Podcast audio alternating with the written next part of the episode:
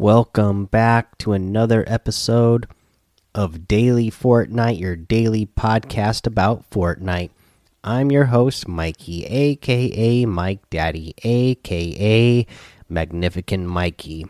So, uh, today, first thing that we will mention is that there, the player support portal was undergoing maintenance. So, if you were trying to get a hold of, uh, you know, player support for some reason, it wasn't working, but it is back up and running now as of a couple hours ago. So, uh, you know, if you have some in game issues that you need to report to them, uh, it should be working uh, just fine now. And now uh, back to legacy settings for controller players. Uh, you know, we'll we'll go we'll go back through the whole original thread here. So with the improvements we've made to aim assist, we plan to remove the use legacy look controls setting on March 13th. To use the new settings and maintain your legacy sensitivities, select copy from legacy in the controller options and toggle off use legacy look controls. They say note Players who have use legacy look controls enabled when the setting is removed will have their legacy sensitivities automatically converted to the new sensitivity set settings. And then, as of one hour ago today, they say the use legacy look controls setting will remain enabled for a short time longer.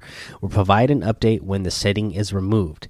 To use the new settings while maintaining your legacy sensitivities, please refer to the instructions above.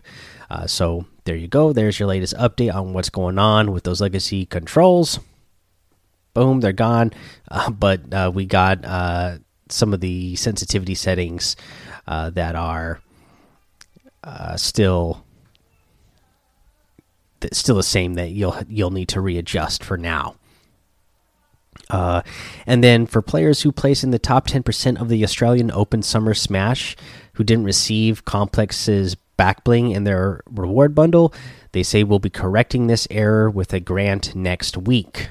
Uh, so, uh, if you were somebody who plays in the top 10% during the Australian Open Summer Smash and you should have received that back bling, uh, if you didn't, then they will grant it to you for free next week as it uh, as they you know should have already anyways.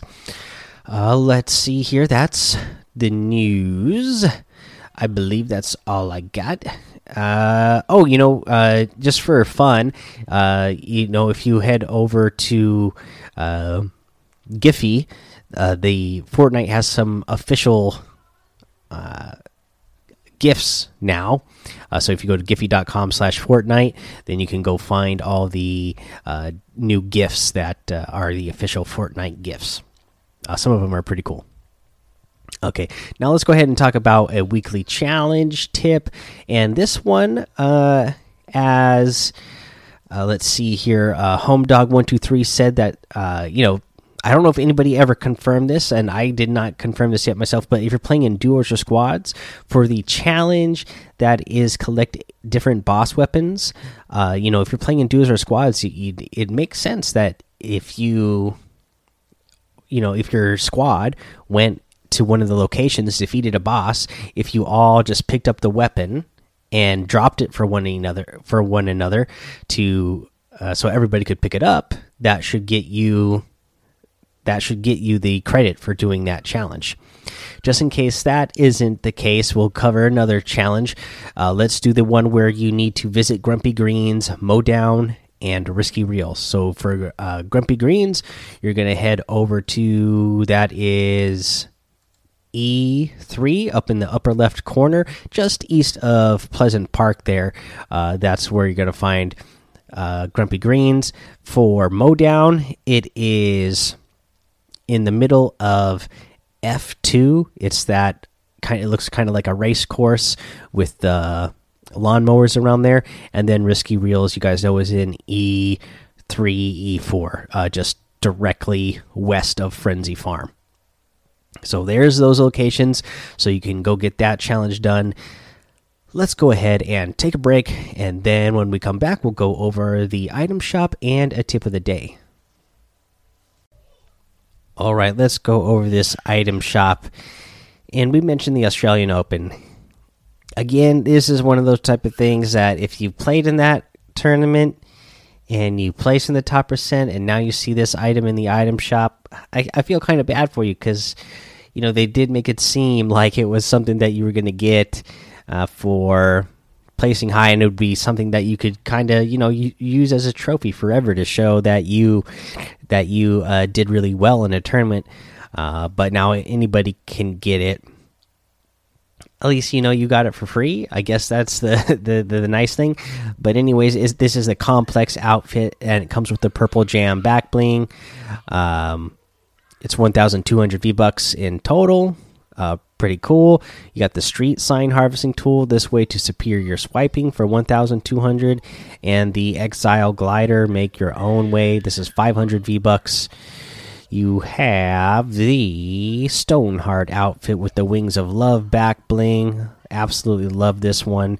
1500 and the Cupid's Dagger harvesting tool for 800. You have the Panda team leader outfit with the back with the bamboo back bling for 2000 V bucks. I love this one as well. The Wukong outfit with the Royale flags back bling for 2000. The Jingu Bang harvesting tool for 1200. You got the caster outfit for 1500. It comes with the spellbinder back bling. The brute gunner outfit for 800.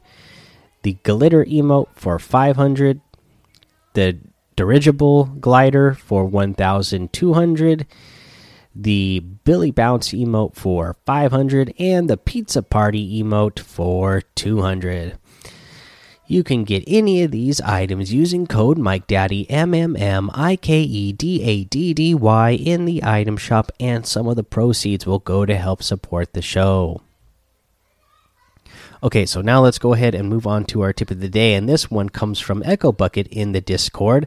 Uh, this is a good one. So he says, "Tip: I didn't realize it until tonight. He posted this yesterday. If you throw proximity grenades onto water, they bounce and explode immediately. So." That is actually uh, a good piece of information to know, uh, especially since there's so much there's so much water in the in this current Fortnite map. Uh, so you know, if you're carrying those grenades around and you get into an encounter with somebody on the water, uh, I see so many players, uh, you know, trying to swim across water or they'll build a around water and then fall down into the water. And it's it's hard to if you're in the water it's hard to uh, build up accurately right away because the sometimes the pieces don't place uh, and they don't place exactly where you think they're going to place when you're in the water. So if you see somebody in the water, you can throw those proximity grenades at them, and it's going to explode right there immediately. Uh, so you should be able to get some uh, good damage done uh, while they're trying to uh, adjust to, uh, you know, swimming in the water or trying to uh, find a, a, good way to build while they had just jumped in the water, whatever. Uh, but yeah, thank you, Echo Bucket, for that.